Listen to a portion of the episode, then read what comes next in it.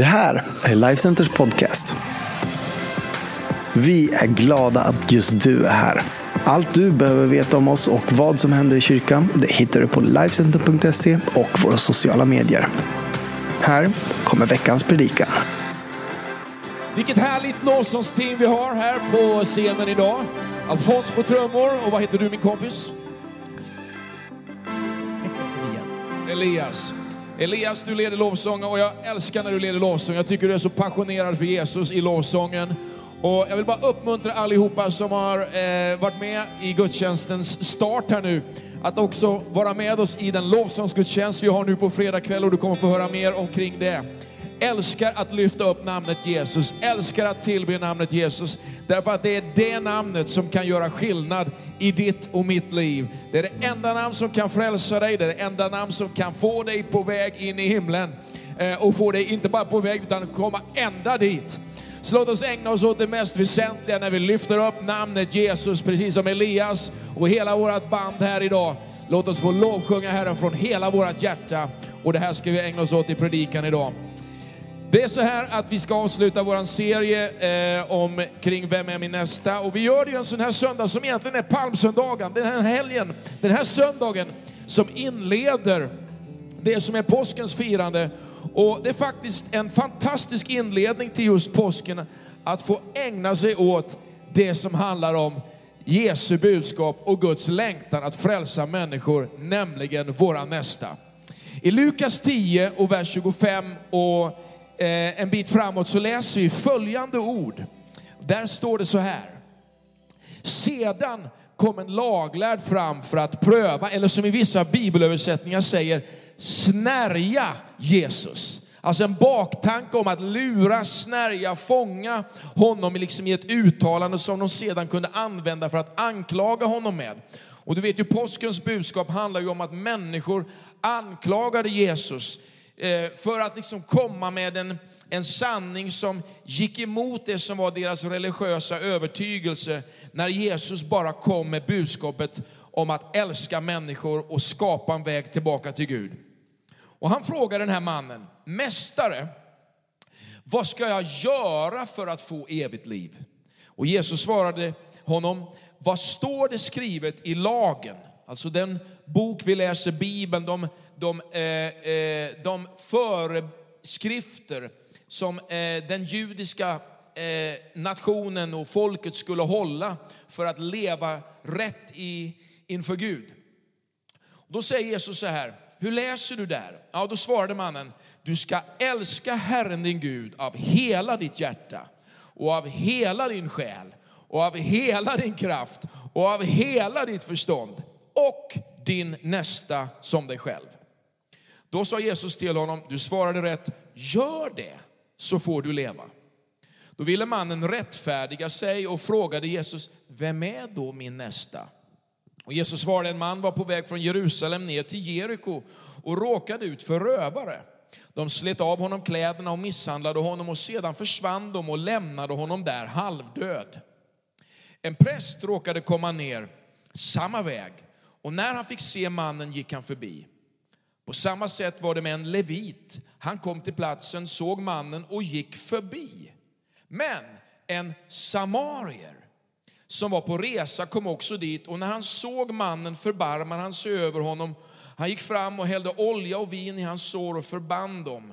Sedan lyfte han upp honom på sin åsna, tog honom till ett värdshus och skötte om honom. Nästa dag tog han fram två denarer och gav till värdshusvärden och sa, sköt om honom om det kostar mer ska jag betala när jag kommer tillbaka. Vem av dessa tre tyckte du var den nästa för mannen som råkade ut för rövare? Han svarade, den som visade barmhärtighet mot honom. Då sa Jesus till honom, gör du, gå du och gör du som han. En fantastisk bibeltext. Ska vi be att Gud bara låter sin ande lysa på de här texterna och de här orden, de här meningarna så att vi kan fånga det som är på Guds hjärta för oss den här söndagen. Vill du vara med och göra det? Jesus, lys på ditt ord med din heliga ande. Gör det levande för oss. I Jesu namn vi ber. Amen. Och du kan väl säga amen där hemma, det betyder låt det bli så. Religion utan levande handlingar är död. Det säger Bibeln.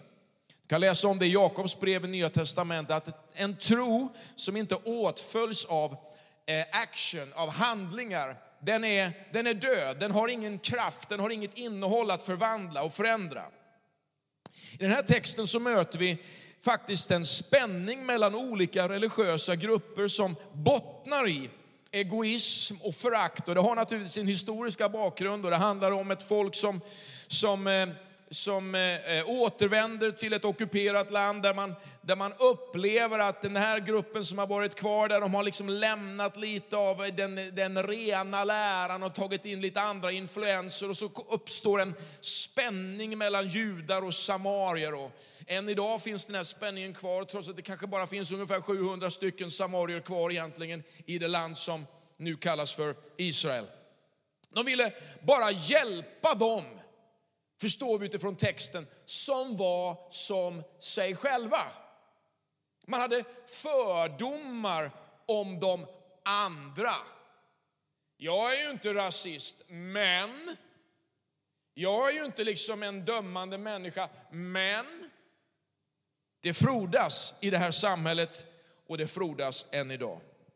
Och i några huvudsanningar i den här texten så förstår vi att det finns en liknelse här alltså som Jesus ger som tar avstamp i en fråga där man egentligen ville snärja Jesus men som faktiskt handlar om hela essensen, hela kärnan i det som är påskens budskap, den påskvecka vi nu går in i. Nämligen frågan om vad behöver jag göra för att få uppleva evigt liv? Det är viktigt med evigt liv. Min, min, eh, min övertygelse och min tro på Jesus handlar om att om jag så dör så ska jag ändå leva tillsammans med Jesus. Och att det livet med Jesus, det börjar redan här och nu. Det börjar här på jorden och det tar mig hela vägen in i evigheten. Mitt liv är ämnat för att levas tillsammans med Jesus alltid och för alltid. Svaret i den här texten som Jesus ger, det handlar om att älska Gud av hela ditt hjärta, hela din själ och hela din kraft och hela ditt förstånd. Det vill säga att älska Gud med allt det man är och sin nästa som sig själv.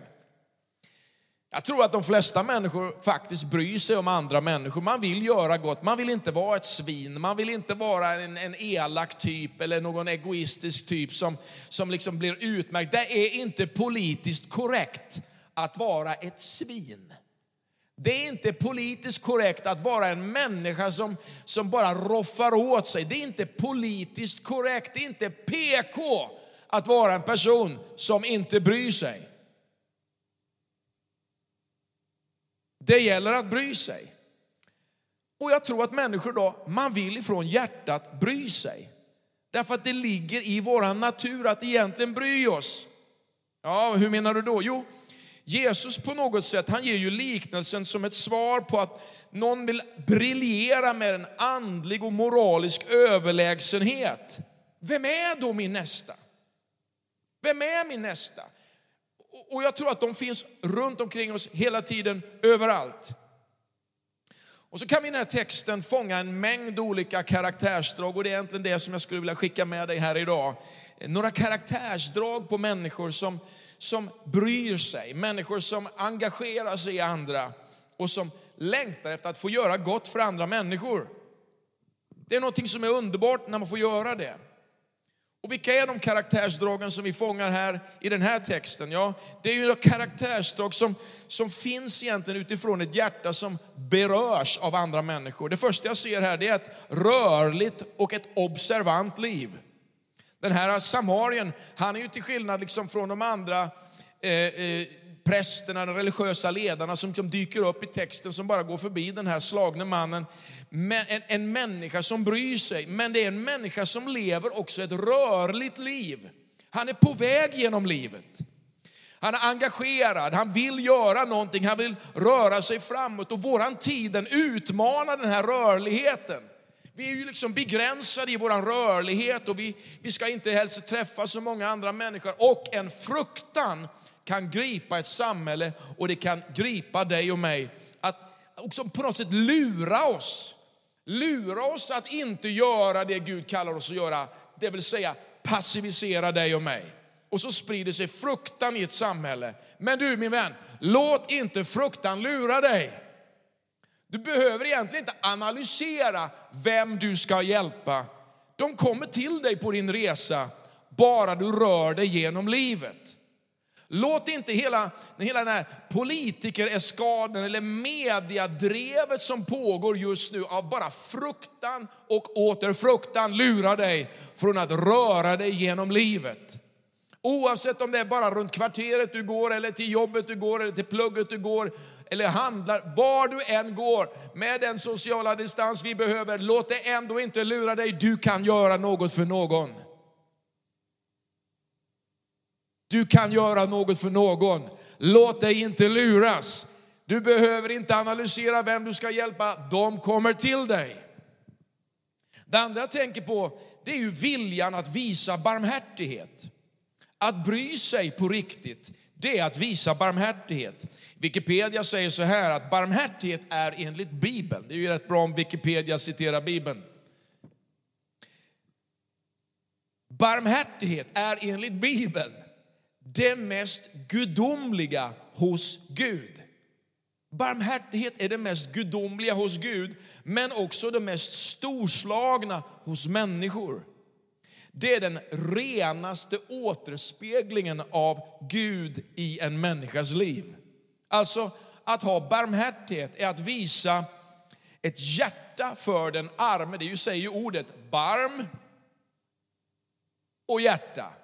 Barmhärtighet. Barm och hjärta, alltså att ha ett hjärta, att känna för en människa. I Lukas kapitel 1 och vers 77 och en vers framåt där så står det så här. Du ska ge hans folk kunskap om frälsningen med förlåtelse för deras synder genom vår Guds barmhärtiga kärlek. Alltså Jesus kommer för att ge mänskligheten en kunskap om hur mycket Gud känner för människorna. Det är ju påskens budskap som vi går in i. Att Gud känner barmhärtighet för människor. Och när du känner för en människa så är det något gudomligt i dig som tar tag i dig. Och svensken och, och människor som lever i Sverige som, som bryr sig om andra människor har någonting av Gud i sig. Det är därför man längtar för att göra någonting för människor, oavsett om det är via Stadsmissionen eller man, man har ett fadderbarn eller man hjälper grannen eller kompisen. Det finns något av Gud i dig som längtar efter att hjälpa människor. Men du ska inte bara älska din nästa, du ska också älska Gud. Och det är det som Jesus kommer med som en fråga till dig idag. Att inte bara göra det ena, utan göra allt ihopa av hjärtats fulla övertygelse en vilja att visa barmhärtighet. Men texten visar också på att det behövs en beredskap att göra akutinsatser.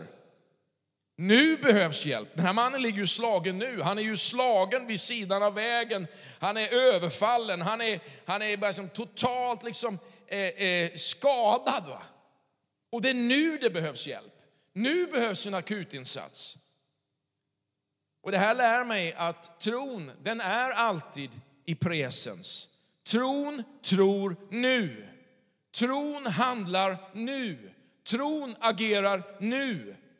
Hebreerbrevet säger att nu är tron en övertygelse om det man hoppas, en visshet om det man inte ser. Nu! Now faith is. Nu är tron där. Vi kan göra skillnad här och nu i människors liv genom att bry oss om våra nästa. Och när du går genom livet, när du vandrar genom livet, när du möter människor i livet och du på något sätt får en liten indikation på att här kan du hjälpa, så kan du bry dig här och nu. Därför att tron, den tror nu. Och en tro utan gärningar, den är död. Det fjärde jag hittar i texten här det är att det finns en kompetens som backar upp hans vilja. Det står i vers 34 att han gick fram och hällde olja och vin i hans sår och förband såren. Det är ju bra om man kan lite första hjälpen. Det finns ett underbart engelskt uttryck som säger så här, use what's in your hand to fulfill what's in your heart. Använd det du har i din hand för att fullborda det som finns i ditt hjärta. när vi ibland söker en möjlighet att hjälpa människor runt omkring oss, så är det så lätt att vi vill göra bara det där stora och så ser vi på något sätt på våra resurser att vi har dem inte, utan det är någon annan som har dem och då behöver vi ju inte bry oss. Men, men Gud utmanar oss och jag tror att texten utmanar oss här. Jesus utmanar oss att använda det vi har fått för att aktivera det in i andra människors liv. Komplicera inte det här, utan gör det som är naturligt för dig. Gör inte som alla andra gör, gör som Gud kallar dig att göra det här. Femte jag ser i texten är att man behöver också en vilja att använda sina resurser. I vers 34 här så lyfter han upp honom på sin åsna och tar honom till ett värdshus och sköter om honom. Din nästa kan behöva din husvagn i sommar för att få fira en semester nu när man inte kan åka överallt. Eller sommarstugan, eller tältet, eller en filt, eller vad nu än det finns av resurser. En vilja att använda sina resurser för att så dem in också i andra människors liv. Hur hårt man håller i sina resurser visar på om resurserna äger mig eller jag äger dem. Jag älskar att se hur människor är generösa och jag älskar att se vår kyrka när, när människor är generösa. Inte bara genom att så in i kyrkan men också så i andra människors liv. Hjälpa människor i vår kyrka och hjälpa människor i vårt samhälle. Men mest så älskar jag att se mina barn göra det. Och när jag ser mina barn göra det här, som nu är vuxna, så på något sätt så ger det mig en signal om att kanske la man ner ett frö någonstans genom det man gjorde som de nu imiterar och de multiplicerar på det sätt som är unikt för dem. Har du präglat din omgivning med det du har fått? Delar du dina resurser så kommer faktiskt dina barn och din omgivning att börja dela sina resurser. Är du snål så kommer de att bli snåla. Det sjätte jag ser i texten här, nu ska vi gå vidare ganska snabbt här, det är kontakter. Och något av det viktigaste vi har i våra liv, det är våra relationer. Att bjuda in någon i våra nätverk av relationer är någonting som kan hjälpa andra människor. Som till exempel söker ett jobb, söker en utbildning, söker kanske ett hus, söker liksom kontakter, söker sociala relationer. Och bristen på att dela med sig av sina relationer är ett tecken på att man lever i en begränsning och att begränsning har blivit min måttstock. De här relationerna, det är mina relationer, det ska ingen annan ta, för de har jag fått liksom för mig själv. Men Gud har mer och Gud har alltid nya kontakter för oss. För att det är så evangeliet når ut i den här världen.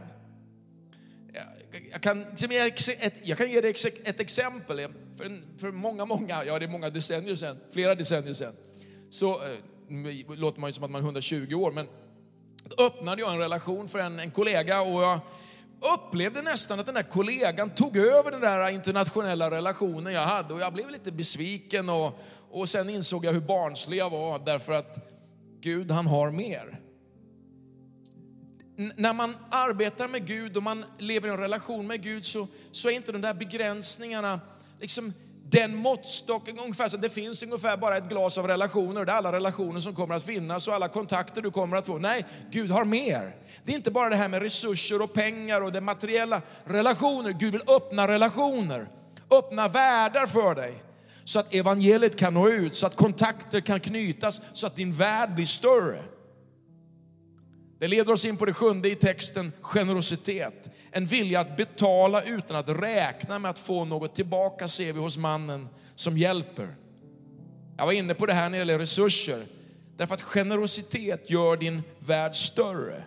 I Lukas 6 så säger Jesus så här i vers 38 att ge och ni ska få ett gott mått, packat, skakat, rågat ska Gud ge er i famnen. Ty med det mått som ni mäter med, det ska mätas upp åt er. Alltså så som du är med din generositet, så kommer det mätas upp på dig. Och om du öser av resurser och en generositet, till exempel nu så står det ju en tid här med tionde helg. Slarva inte med det tionde. Slarva inte med ditt givande. Stäng inte till kranen på Guds möjligheter att ösa resurser över ditt liv och för dig att välsigna det som Gud också lägger sin hand på. Stå trofast, stå ta, stadigt och har du slarvat, liksom ge tillbaka det som du har stulit från Gud. Gör det och låt Gud få välsigna dig, ösa över ditt liv. Tiondet ska rakt ner i det som är liksom församlingen, det som är hushållet, Guds hushåll. Och han kommer att välsigna dig. Men du kan också generöst mäta åt människor, eller mäta upp åt människor med hur du inkluderar dem i ditt liv. Det åttonde jag ser i texten, det är en vilja att följa upp. Och många gånger så vill vi hjälpa. Men tänk när man får göra det på ett sånt sätt också att man hör av sig ibland efteråt och säger, du hur gick det med det där? Du vet att människan kanske upplever på ett sånt sätt att ja, men han brydde sig inte bara utan han, han brydde sig genuint. Det var inte bara ett, ett ord liksom, eller en, en handout där man gav någonting, utan det fanns någonting som tog i ditt hjärta när du ringde upp eller du tog en kontakt och sa, du, hur gick det med den där situationen? Kunde det hjälpa dig? Eller finns det något mer jag kan göra för dig? Det gör livet större. En vilja att följa upp. Och det leder mig till nästa punkt, nummer nio, som är den näst sista punkten, att gå lite längre. Att vara villig att betala mer. I texten så står det ju att han, ta, han sa till den här värdshusvärden som tog hand om den slagne mannen att om det skulle kosta mer så ska jag betala det när jag kommer tillbaka nästa gång. Ibland kan man fråga sig det här om att bli utnyttjad. Man vill inte vika sig för känslan av att bli utnyttjad. Och jag tror att det handlar om, för dig och mig, att hämta kraft i när vi gör någonting. Låt oss göra det för Gud. Räkna liksom inte som människor alltid räknar, att liksom det ska liksom återbetalas i allt. Nej, räkna med att när du hjälper någon så gör du det för Gud. Du behöver inte ens känna dig utnyttjad. Även om du skulle bli det, så behöver du inte känna dig utnyttjad, för du gör det för Gud. Och han tar hand om dig. Tionde punkten, avslutande punkten. Det finns kraft i den här texten och visdom för att gå vidare. Vet när man hjälper människor eller man hjälper någon, när man hjälper sin nästa, så kan man lätt fastna i en känsla av att ah, blir det här ett evighetsprojekt nu? Och så hindrar det dig att göra någonting. Den här mannen som hjälper, han går faktiskt vidare för han har andra ansvarsförhållanden. Eh, han har andra saker han har ansvar för, andra åtaganden han har. Och det har du också. Det betyder inte att du, bryr dig, att du inte bryr dig om du faktiskt också går vidare. Jesus gick vidare från människor som han helade och han hjälpte och det fanns fattiga runt omkring honom. Men han gick också vidare efter det att han hade hjälpt dem. Du kan gå vidare efter det att du har hjälpt dem. Jag kanske vill lösa någon från den känslan du har. Att när du ska hjälpa någon så hjälper du inte därför att du tror att det blir ett evighetsprojekt. Hjälp en människa, men gå också vidare. Därför att Gud vill leda dig vidare till andra människor. Apostlarna gick vidare, Jesus gick vidare och du kan också få gå vidare. Det finns människor som väntar på andra sidan din lydnad. Det här var min predikan idag. Och utifrån den här predikan så vill jag ge dig en enkel utmaning idag. Den här palmsöndagen som inleder påsken. Som handlar om att Jesus har gjort allt för oss för att vi ska få en kontakt med honom. Gör du det så får du leva, sa Jesus till den här religiösa ledaren som ville fånga Jesus. Vad då? Älska Herren din Gud av hela ditt hjärta, av hela din kraft, av hela ditt förstånd, av hela din själ. Älska Herren din Gud. Älskar du honom? Säg det till honom just nu. Du kanske aldrig har gjort det förut. Du kan göra det nu för första gången. Varför inte där du är bara knäppa dina händer och säga till Jesus, jag älskar dig av hela mitt hjärta och jag vill ge allt till dig. Vill du vara med mig och be den här enkla bönen så kan du också få bjuda in Jesus i ditt liv på ett underbart sätt. Ska du knäppa dina händer där du är just nu och så böjer vi våra huvuden, sluter våra ögon och så säger du efter mig, Jesus, jag älskar dig. Jag tackar dig för att du dog och du uppstod för mig. Jag kommer till dig just nu med alla mina brister, med alla mina tillgångar och jag lägger ner mitt liv inför dig. Jesus, förlåt mig min synd. Tack för att du hör min bön. Ge mig kraft att älska som du har älskat. Jag tackar dig för din frälsning. I Jesu namn. Amen. Amen. Tack ska du ha för att du har lyssnat på min predikan idag. Det bästa du kan göra framöver är att ta kontakt med någon av oss i kyrkan eller